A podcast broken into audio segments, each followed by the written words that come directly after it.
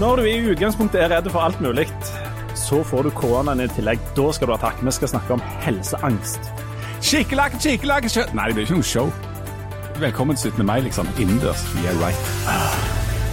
Velkommen til Aftenbladet. Vi har eh, et nokså celebert eh, oppmøte i dag. I det røde hjørnet med ei ekstra taske stappa full av eh, angst for sykdommer.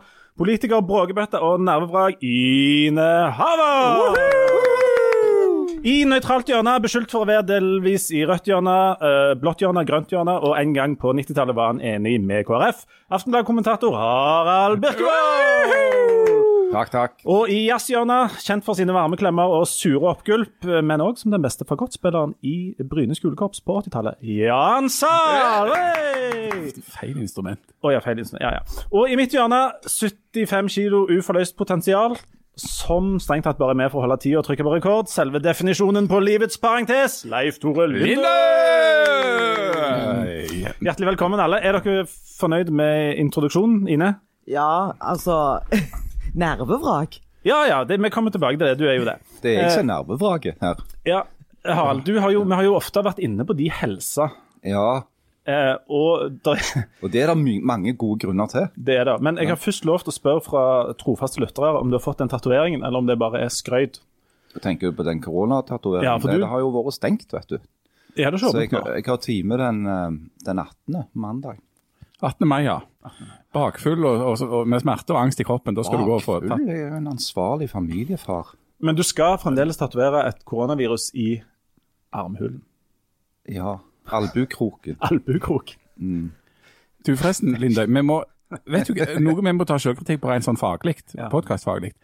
Vi er så usedvanlig dårlige i på en måte å pitche hva som skal komme senere. Ja. For det som vi jo vi snakket om, at denne gangen må vi ikke glemme å si det før vi kommer til slutten. For forrige episode så kom det jo mot slutten en sånn lang, eh, såre sak om Amishgate og et Amish-bo. Men denne gangen så er det lydkunst vi, vi skal drive på med. altså Vi er vi er i ferd med å lage det som du mener blir årets russelåt. Eh, ja, jeg mener vi har eh, det som muligens kan være årets russelåt. Jeg vet ikke hvor seint de kan komme, men jeg tror vi har lagd årets russelåt. Jeg, altså, ja, og Hvis vi skal være ærlige, så har vi jo ikke lagd den ennå, så akkurat hvordan det blir, det vet vi ikke ennå. Det- Vi skal lage den etterpå. Men, men, men folk bør henge med helt mot slutten, for da kommer det et eller annet. ja, men du vet, de tre tinga eh, russen er aller mest interessert i. Du vet Ja. det sant? Korsang, teater og HMS. Alt det blir det. Og vel så det.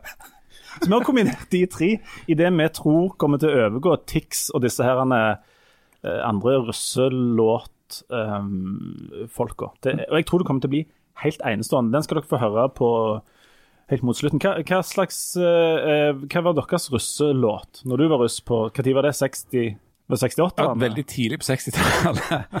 Nei, vår russelåt var 'Splitter pine' av DumDum Boys. Herlighet. Dere hadde god russmusikk. Harald, Jeg har ikke peiling. var du russ? Du satte seg inne og var så introvert og ikke ville treffe Jeg, folk. var, det, jeg satt faktisk inne, ja. Fordi at når, akkurat når det var den selveste Når denne russeperioden kulminerte, som det vel heter, så hadde jeg kyssesyke. Kysse. Jeg var ikke helt god den gangen heller.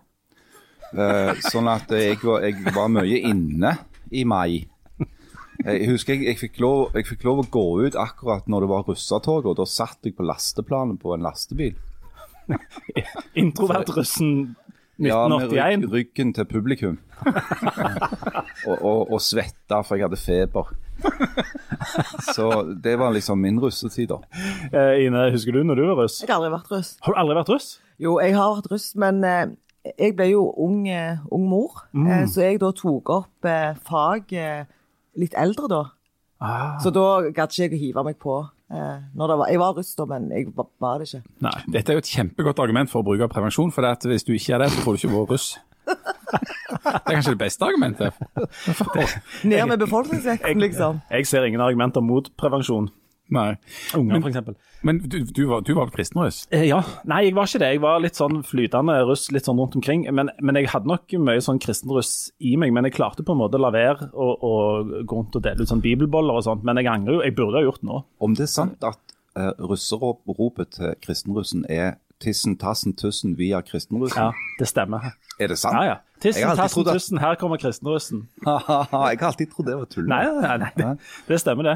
Um, det- 17. mai er jo et slags sånn eh, høydepunkt for, um, uh, for russen. Og du Jan, du er jo blant mange ting du elsker høyt, så holder du jo kanskje 17. mai høyest. Av alt. Du, Vet du, jeg var, jeg var 17. mai-taler en gang. har du det? Ja, ja, eh, på Bryne. Eh, Jeg ble eh, til min store overraskelse. Det må jo være å, nå, nå et slags sånn høydepunkt i livet når Heimstaden. heim, heimstaden ringer og spør om du kan holde 17. mai-talen. og så har jeg òg utvikla pollenallergi. Eh, så jeg tok på meg eh, den lyse Tom Wolff-dressen min, den kremfarga lindressen, og gikk fremst i toget på Bryne og skilte meg godt ut, skal jeg love deg. Og så ble jeg plassert på en talerstol som de hadde utstyrt med noen kolossale mengder med bjørkeris. Så sto jeg i en sånn allergibombe og snakket om demokratiet. Ja, husker, du, husker du hvordan du åpna? Jeg blir gjerne. Ja, Nei, jeg husker ikke det, men jeg, jeg, naboene mobber meg så kolossalt. Jeg må egentlig holde den eh, 17. mai-talen hvert år, men jeg nekter hvert år. Nei, jeg aner ikke hva jeg snakket Jeg snakket jo om, om noe demokrati og fritt land. Og Sa du kjære landsmenn? Jeg sa ikke kjære landsmenn, nei. Sa du ikke mannslem? For det har jeg alltid tenkt at jeg skulle Til å være kristenruss så er du ikke så Nei, men det er tissen, tassen, tussen. Altså, det ligger noe der. Ja. Nei, jeg må, jeg må si at, eh, at 17. mai var aldri det, det som jeg gleder meg mest til. Verken som barn eller altså, Når jeg var liten, så hadde jeg en sånn sterk følelse av at, at de voksne maste masse om at dette her var noe som skulle være så svært.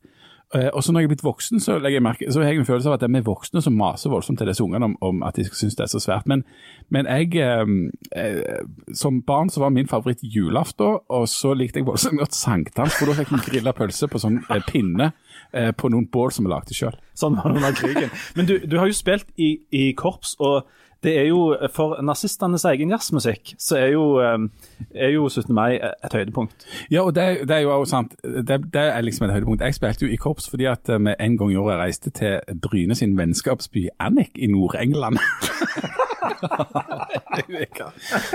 um, men, men prisen du måtte betale var at du måtte marsjere en hel 17. mai og, og spille eh, da i korps, noe som jo førte til om det regna eller snødde eller hvordan det var, uansett så hadde du i hvert fall gnagsår og var helt utsliten på slutten av dagen etter å ha spilt Brass Rails og Norge rødt, hvite, blått eh, til det syste. Og gammel jegermarsj. Jeger. Kan du beskrive uniformen? For det, korps har jo Altså, jeg vet jo, jeg, jeg leser jo stadig i media om at det er så hardt å være ungdom, at det er mye press og, og at det er vanskelig og alt det der, men da skulle folk prøvd å være 14-15 år på Bryne, eh, ganske seint med å komme i puberteten, litt sånn stuttjukke, og så bli utstyrt med en uh, uniform som altså var en sånn, det var en rød topp med et sånn dobbeltbeslag og noen gullknapper, så var det altså ei blå bukse uh, som gniste noe voldsomt, eh, og så øverst Jeg vet ikke, jeg hva som er på en måte rosin i pølsa her, men øverst hadde vi en slags cowboyhatt i blå filt, virka det som. Men ja, høydepunktet var den blå capen som vi hadde rundt.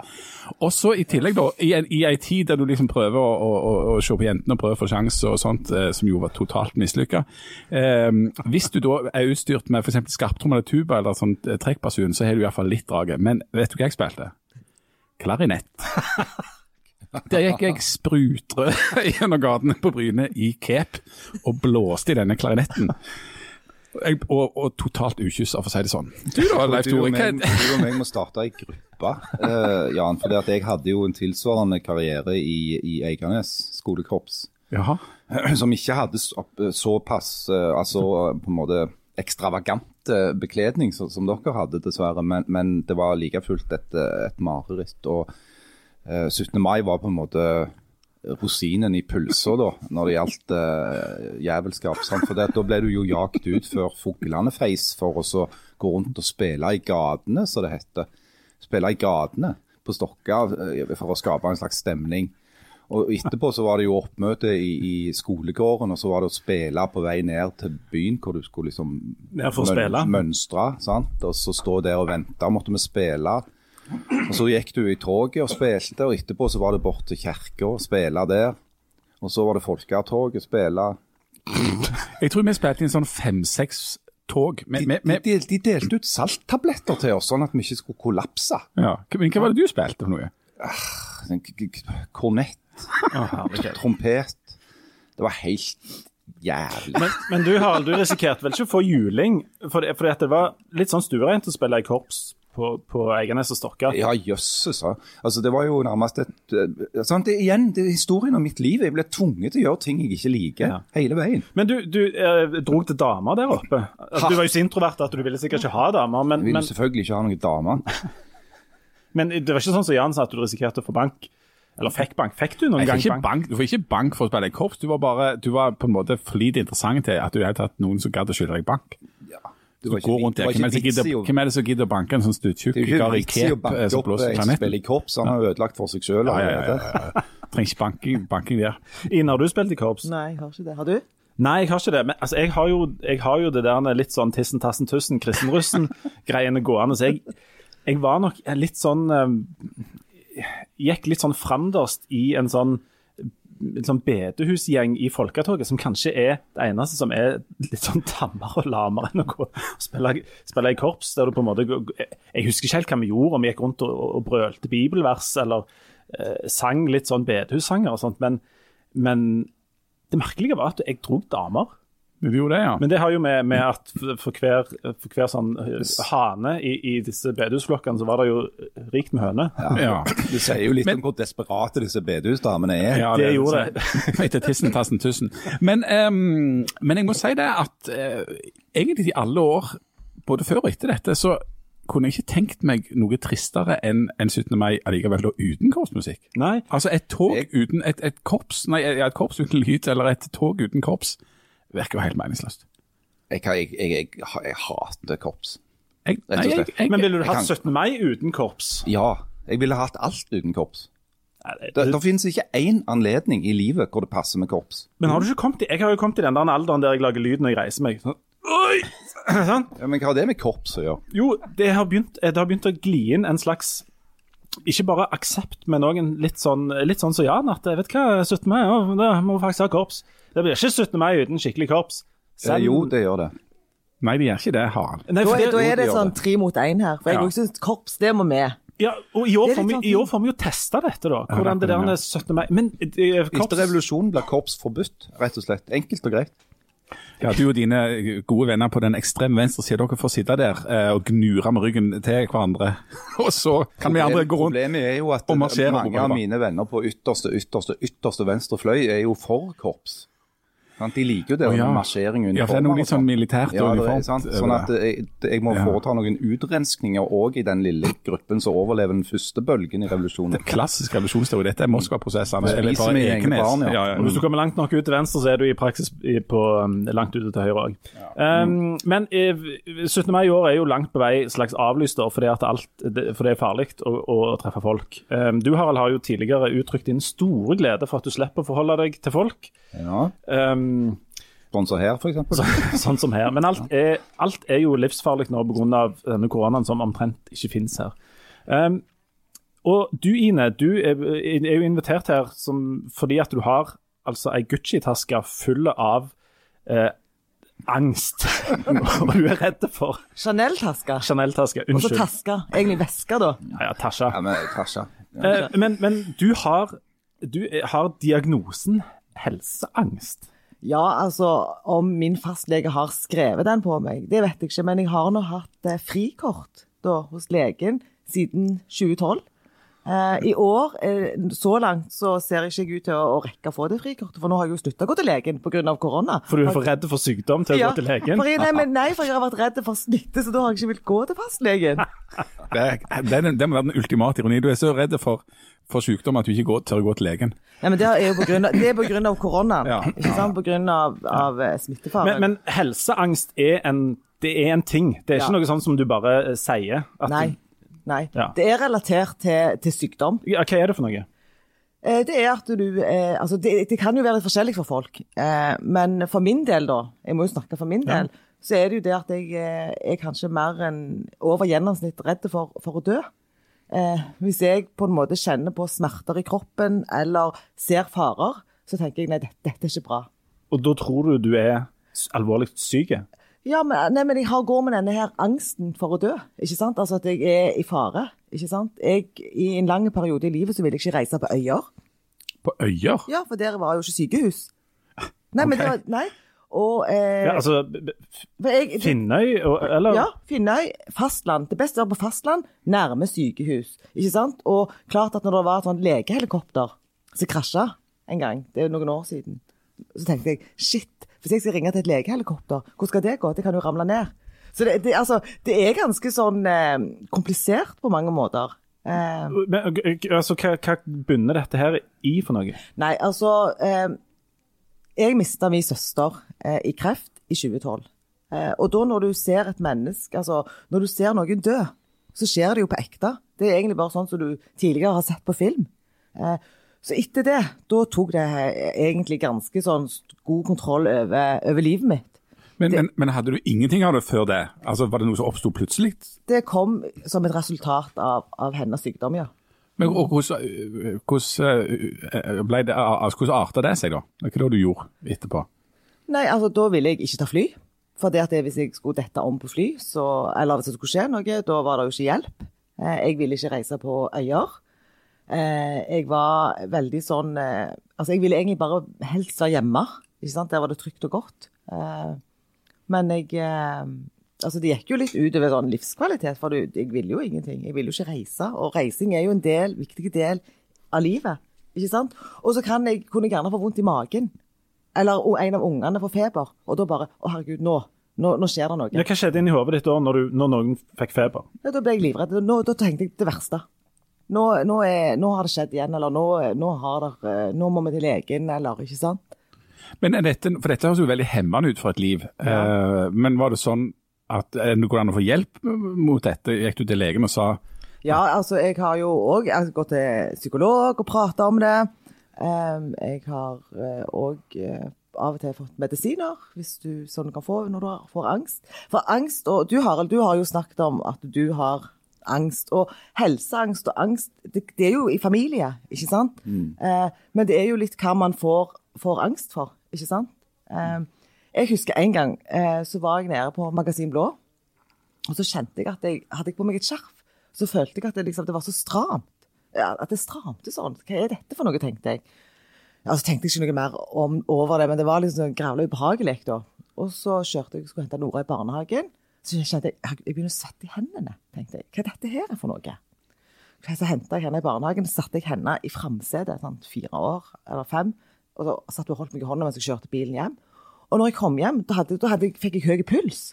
Så da ringte, så ringte jeg til mor mi. 'Du må komme, du må komme. Jeg er dårlig, jeg er dårlig.' Men liksom, jeg visste ikke hva det var. Men jeg trodde jeg skulle dø.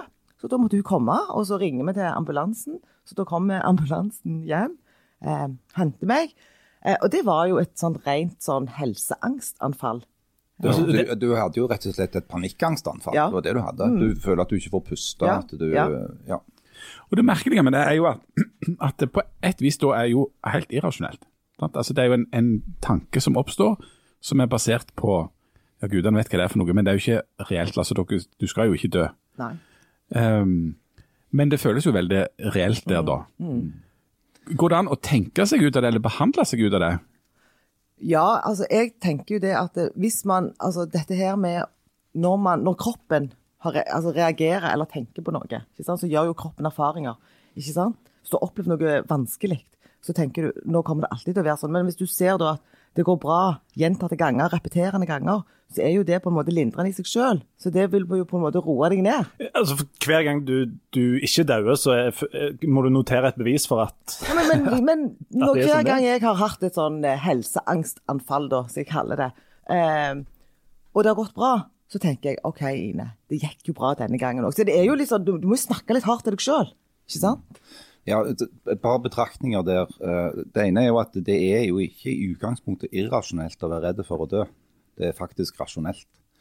Eh, Men det som skjer, eh, har jeg erfart, hvis, du, hvis dette blir et problem, sant? når du får en, for en sånn panikkreaksjon, det er at det er hjernen som produserer feil type hormoner og på en måte kortslutter, mm. som gjør at du behandle egentlig rasjonelle problemstillinger. F.eks. det der med uff, det, det er jo helt rasjonelt å være redd for å bli syk og dø.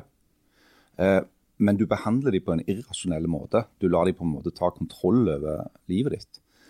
Eh, og det som ofte hjelper, er jo, som du sier, en kombinasjon av å snakke om det, eh, sånn at du får teknikker for å håndtere det, og i noen tilfeller medisiner som rett og slett regulerer hjernen sin utskillelse av visse typer stoffer eh, som regulerer humøret.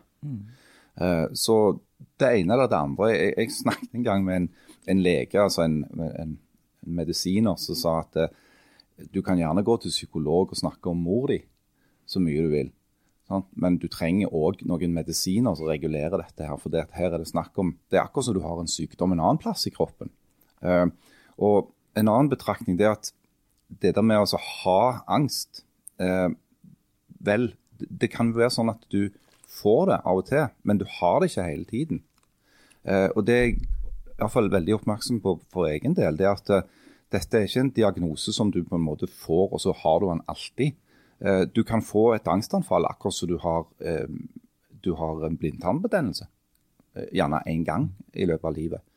Selv om du har hatt et angstanfall, så betyr det ikke at du har angst. Men, ja, og grunnen, grunnen til at vi snakker om dette og tar dette opp nå, er jo fordi at det da, da altså eh, er en koronapandemi. Eh, altså, du går rundt og er redd for å dø, du går rundt og er redd for eh, at du skal få et eller annet, og så plutselig så kommer det da en pandemi. Uh, Som vitterlig tar livet av ah, tusen Ja, mennesker. ja. sant? ja, hva skjer i hodet på en med helseangst når, Altså, du, jeg- det kommer? Ja, jeg husker når, når dette her slo ut. Eh, jeg, de første dagene på VG, altså ikke første dagene, men ukene, jeg fulgte hele veien med hvor mange som var innlagt til enhver tid, hvor i Norge, ikke sant. Eh, det var ikke godt nok belegg for respirator, da så jeg for meg at OK, jeg får det. Jeg er røyker, ikke sant. Det var, de var i risikogruppa, de er jo tatt vekk nå, da. Og egentlig så er jo Må paradoks slutte å røyke for det. Ja, og det at noen som har helseangst røyker, det er jo litt sånn spesielt i seg sjøl. Men vi skal ikke diskutere Det Det er faktisk litt løye. men, men, men da følte jeg eh, at da var jo ikke sykehus engang trygt. Der som, jeg, der som var min på en måte safe place. For jeg har alltid tenkt hvis jeg eh, blir syk, da kan jeg jo gå på sykehuset. Men eh, da så jeg for meg der at da ble jeg syk, da skulle jeg få det, da skulle straffa komme fordi jeg røykte. Ja, plutselig da- var ingenting trygt. Ja, og da skulle jeg ligge der og ikke få tilgang på respirator, for det var fullt belegg. Da, sån, sånne tanker gikk i hodet mitt.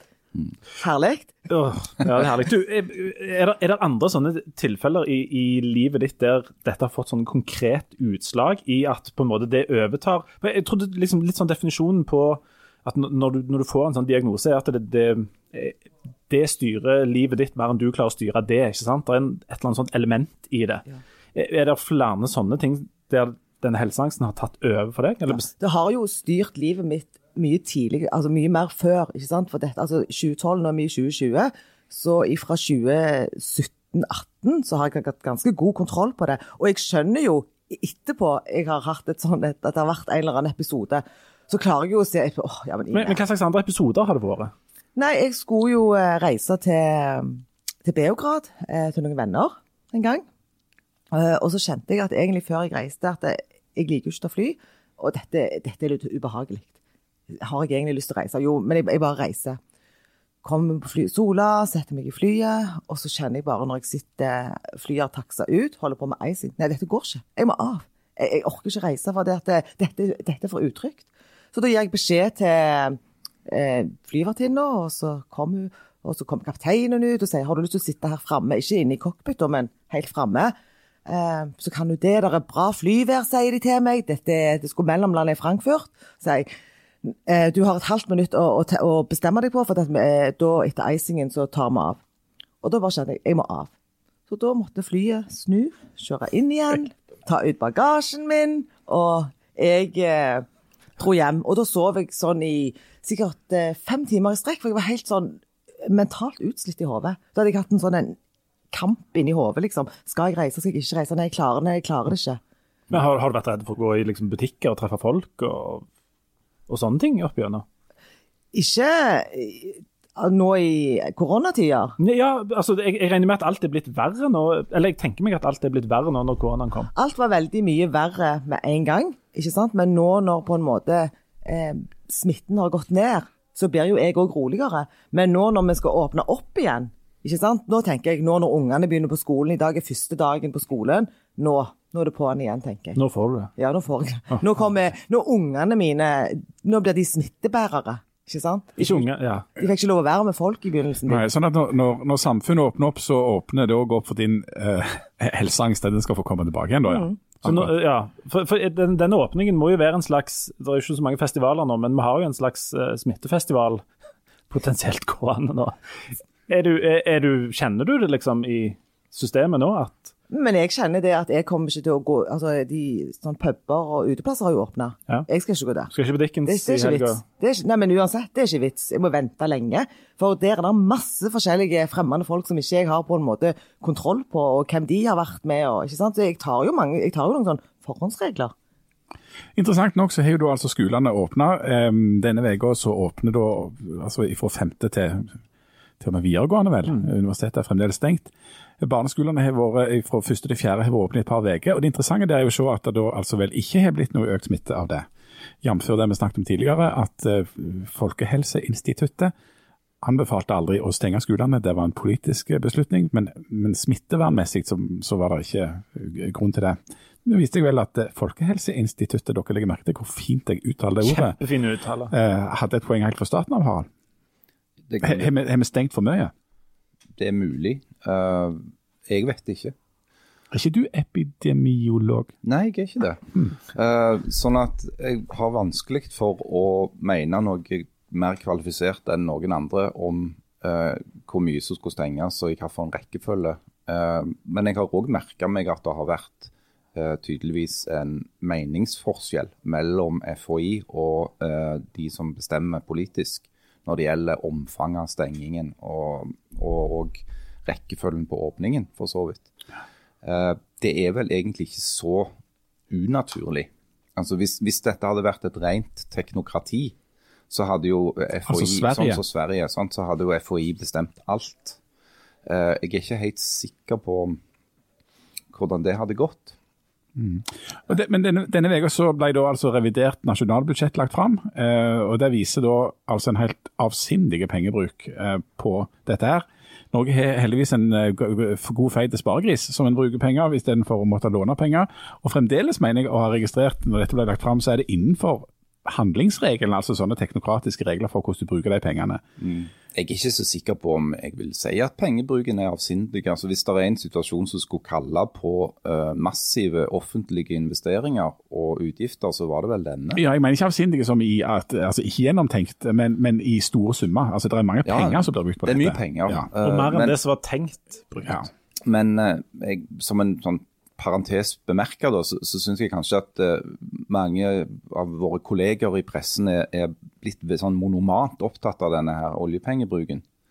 Eh, en må prøve å se det i en kontekst. Eh, og den pengebruken som vi ser nå eh, Du kan jo prøve å et tankeeksperiment. Altså, hvordan ville dette ha gått? Hvordan ville dette ha forløpt uten at det offentlige hadde gått inn med massiv støtte? Eh, da tror jeg nok at regningen hadde blitt større. Og så er det sånn at Nå, nå er vi da i gang med en slags gradvis og, og kontrollert åpning. Eh, det er store konsekvenser økonomisk, og det, og det vil for så vidt bli det. I går så gikk jeg gjennom Stavanger sentrum eh, på formiddagen. Jeg, jeg hadde egentlig ikke tenkt så mye på det før, men jeg gikk altså gjennom det som da skal være en, en av Norges største byer eh, på formiddagen. Nå var det riktignok omtrent snø i lufta, eh, og det var på formiddagen, sånn i 11-12-tida. I arbeidstida. I arbeidstida. Eh, dette med heimekontor, vet du. Ja, ja. Ja. Jeg var på den første pressevisningen på kino på to måneder. Igjen, det er arbeid, det er arbeid Ja, det er arbeid, ja, det er arbeidet. Det er tungt arbeid, jeg kan prøve det Ja, hvis jeg vil. ja. Men Men, men, men, folk, men du poenget, poenget ja, sant? Det var nesten ikke en sjel ute. sånn at selv om det er åpna, liksom åpna i hermetegn, så er det nesten ingen folk der ute. Um, det var mange butikker som var stengt, det var mange butikker som var åpne, men inni de butikkene var det ingen folk. Men på lørdag Så- sånn at- krelte det med folk. Ja, på lørdag krelte det, men, men altså spørsmålet er likevel, selv om en da åpner, eh, er det mange som inne som tenker at jeg skal ikke ut. fordi at altså Det hjelper ikke at samfunnet formelt sett er åpna, eller økonomien formelt sett er åpna, hvis folk ikke tør å gå ut og være i et åpnere samfunn. sant, Ine? Jeg tror ikke at jeg er den eneste i Stavanger, eller Norge for den del, som tenker sånn som jeg tenker, da. Selv om det kanskje er litt urasjonelt til tider. Eh, Men det er nok mange som tar forhåndsregler. Og du Harald, du sa jo det at OK, jeg er usikker på eh, om det var rett eller galt å stenge ned. Jeg tenker at det var helt rett å bare stenge ned. Ja, ja. Du ville bare hatt stengt permanent, du. Permanent for alltid. Du, jeg, jeg var på, på fredag så var jeg ute og lagde en, eh, en liten reportasje der vi reiste fra Egersund og nordover for å liksom, se hva som var stengt og hva som var åpent. og sånn. Og Da var jeg på kino i Sandnes. Um, de åpna jo på fredag. Og der var det altså sånn at de, På, på kinoen i Sandnes hadde de tolv visninger. Det var tre stykk i, i sånn kiosk og vakt, og de tre utgjorde nøy, omtrent nøyaktig det samme antallet som var på hver av disse visningene. Altså Det var to, tre, fire stykker i salen på hver. Eh, og Jeg trodde at folk kom til å stå og klore på dørene, og sånt, men jeg ble litt overraska over at ikke folk sto og liksom ville ut på et eller annet. Um, det vil rett og slett vise seg at folk er enten ikke interessert eller veldig sånn reserverte. Er det, er det bra eller dårlig? Altså, det er jo veldig dårlig for økonomien til disse plassene som da formelt sett liksom åpner. Og Iallfall hvis den statlige støtten på et visst tidspunkt eh, forsvinner. For å si at ja, nei, nå har vi åpna, så nå må dere klare dere sjøl. Eller er det bra smittefaglig at folk viser at de er flinke og sosialt distanserer seg noe kolossalt? Ja, men var, Siste stoppet på den turen var i Stavanger sentrum. og Da gikk vi gjennom Fergegata og Dickens litt sånn. Der kokte det. Eh, og avstanden, denne énmeteren mellom folk i, i liksom køene på utestedene, og sånt, den var redusert til 8,5 cm. Men det er dette med spriting. Hvis du drikker sprit f.eks., da blir det veldig liten Da må han være minst 60 Jeg Bare som et uh, forbrukertips. Ja. Ja, jeg har jo begynt, uh, som den kristenrussen jeg er, å, å lukte i hvert fall på sånne håndspritflasker. Og kjenner jo rusen med en gang. Altså, det setter seg sånn. Jeg har merket det på deg i det siste. Ja, og, da, og da begynner du å klemme folk, vet du, og, og slikke det i Du ansiktet. har blitt veldig Og, kosete. Ja, jeg, jeg danste oppå en Det var ikke et bord, men en krakk til den 'Vil ha deg i mørket hos meg'. Jeg tror det var russesangen vår, forresten. Jo, var det Tiden den stannende ved rød ved den. Ja. Um, men du, vi, vi, altså, vi, vi har altså snakket litt om, om eh, liksom, gjenåpningen av Norge. og meg og deg har jo vært ute på litt sånn ymse sånne gjenåpning, eller ikke gjenåpningsreportasjer i, i, fra kulturlivet. Ja, for det vi egentlig er, er jo faktisk kulturjournalister. Det holder vi òg på med litt Ja, innimellom. av og til. Til det- glede for noen og ergrelse for mange. Ja, og og der er det jo sånn at vi har en voldsomt, en, en kulturminister, ganske fersk en, eh, med et voldsomt godt humør.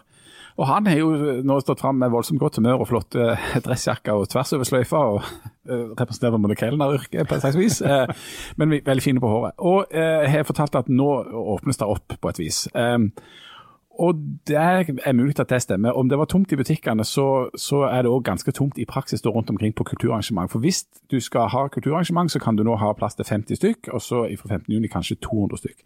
Men du må ha altså én meter imellom hver av de. Og, og vi har jo vært rundt og, og, og snakket med, med folk som forteller litt om hvordan det er da i praksis skal. Du skal ha et ganske stort rom for å ha, kunne ha plass til 200 stykk med én meter imellom.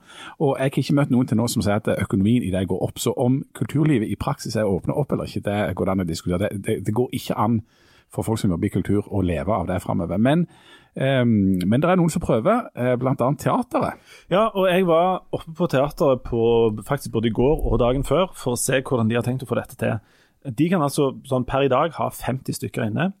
Um, og For å få det til, så har de måttet skrive en tolv siders rapport med nye HMS-tiltak som handler om spriting. Og, og Meter. meter og neglelakk og, og votter og jeg vet ikke hva. Altså Helt sånn sinnssyke greier som de må gjennom. Um, men nå skal de åpne opp for å ha 50 mann i salen. Men, og det det er ikke bare for publikum, men òg de som er på scenen, må jo ha én meter mellom hverandre, med mindre de er gift.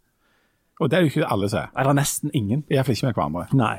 Um, og de skal nå sette opp stykker der folk vanligvis eh, klemmer, slåss, uh, ja, holder på å danse, sånne ting. Men de samme, omtrent de samme reglene gjelder altså på scenen som de gjelder i publikum.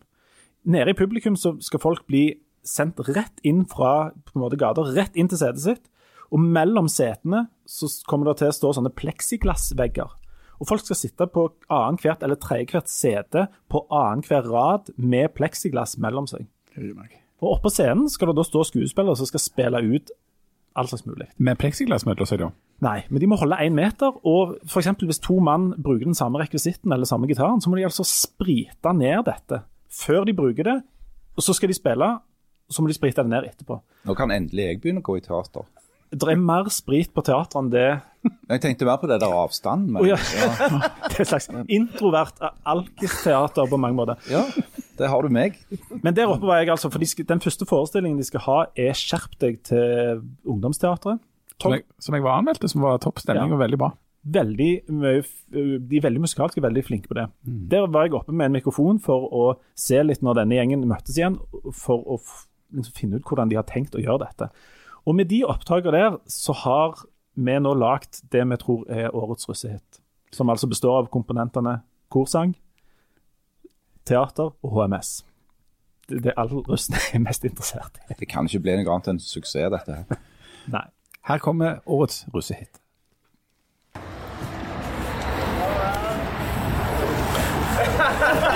Se på det gliset.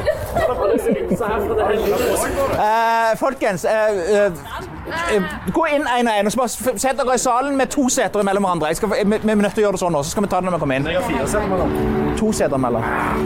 Ikke gå så nærme, Balder. Ta sprit der. Fint. Og så eh, ingen sitter på den raden bak, men to rader bak. Jeg er knallstreng i dag.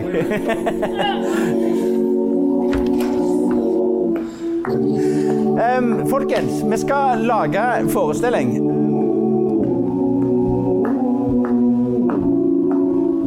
Og det er mye rart her nå. Det må vi bare ærlig innrømme. Men jeg, jeg, tror dette her skal, jeg tror dette skal bli gøy, altså. Det mener jeg. Jeg, jeg gleder meg enormt, jeg.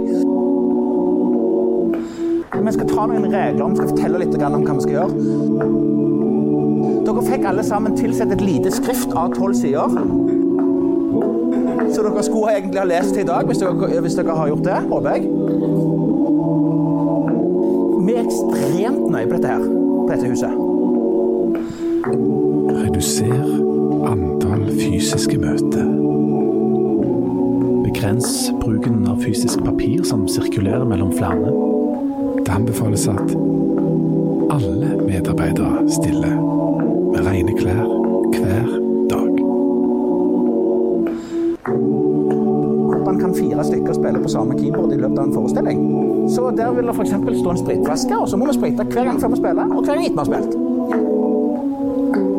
Det anbefales at alle medarbeidere stiller til arbeid uten ringer med høyrepunkt eller smykker, skråstrek, klokker. Kontaktimpro uten kontakt er kjempevanskelig. Slåsskamp uten kontakt er ganske vanskelig. Det er noen sånne sekvenser. Det anbefales også at alle medarbeidere stiller med kortklipte negler og ikke benytter neglelakk. Personlig utstyr som briller, penner etc. bør ha sin dedikerte plass for å unngå at de flyter rundt på prøver. Bruk gjerne brillesnor og andre innretninger som kan avhjelpe dette.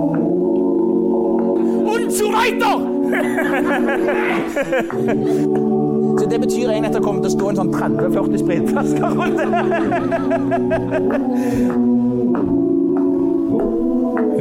arbeidshansker eller vanter-votter må disse ikke benyttes på tvers av soner, arbeidslag eller avdelinger. Hold alltid avstand til kollegaer. Dette er en meter. Minimum én meter, Dette er en meter. helst to meter. Og dette er to. Er kanskje vi skal bytte ut de der spritflaskene med spritsprit. At det ser ut som at det er vodka som står rundt, ikke ser ut som at det er sånne. Ingen servering. Der må det stå i spritflaske. Unngå kollektivtransport. Med håndhilser og klemmer ikke. Dette er en meter. Det settes ut antibac på publikumstoalettene. Dette er meter. Og dette er to. Der må det stå i spritflaska. Der må det stå i spritflaska. Si du skal ta sprit. Personalet bruker egne toaletter.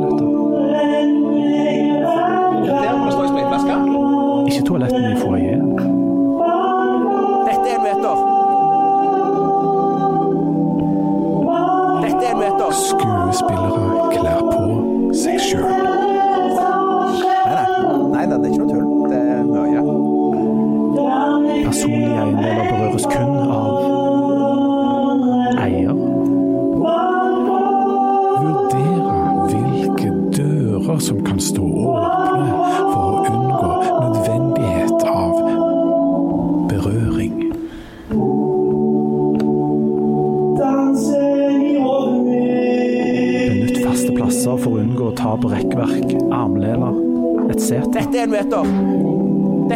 Dette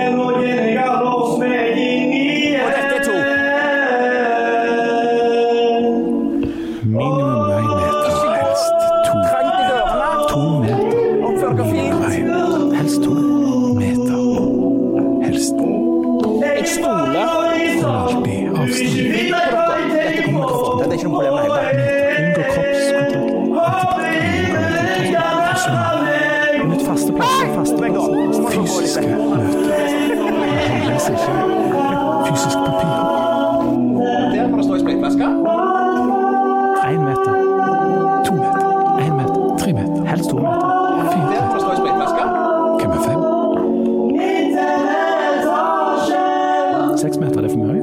Vet du, opp i, hvis du jumper inn seks-sju meter, så blir det Det er så skuespillere. Kan, kan det så mange meter fag? Ja, Dette er altså, en meter. hører hva folk sier. og Liksom, så, Dette er en meter. Hvis du er nærsynt, så ser du ikke hva folk, hvordan de ser ut. Tror du de tar dette Og seriøst? dette er to. Vi er ekstremt nøye på dette her. På dette huset.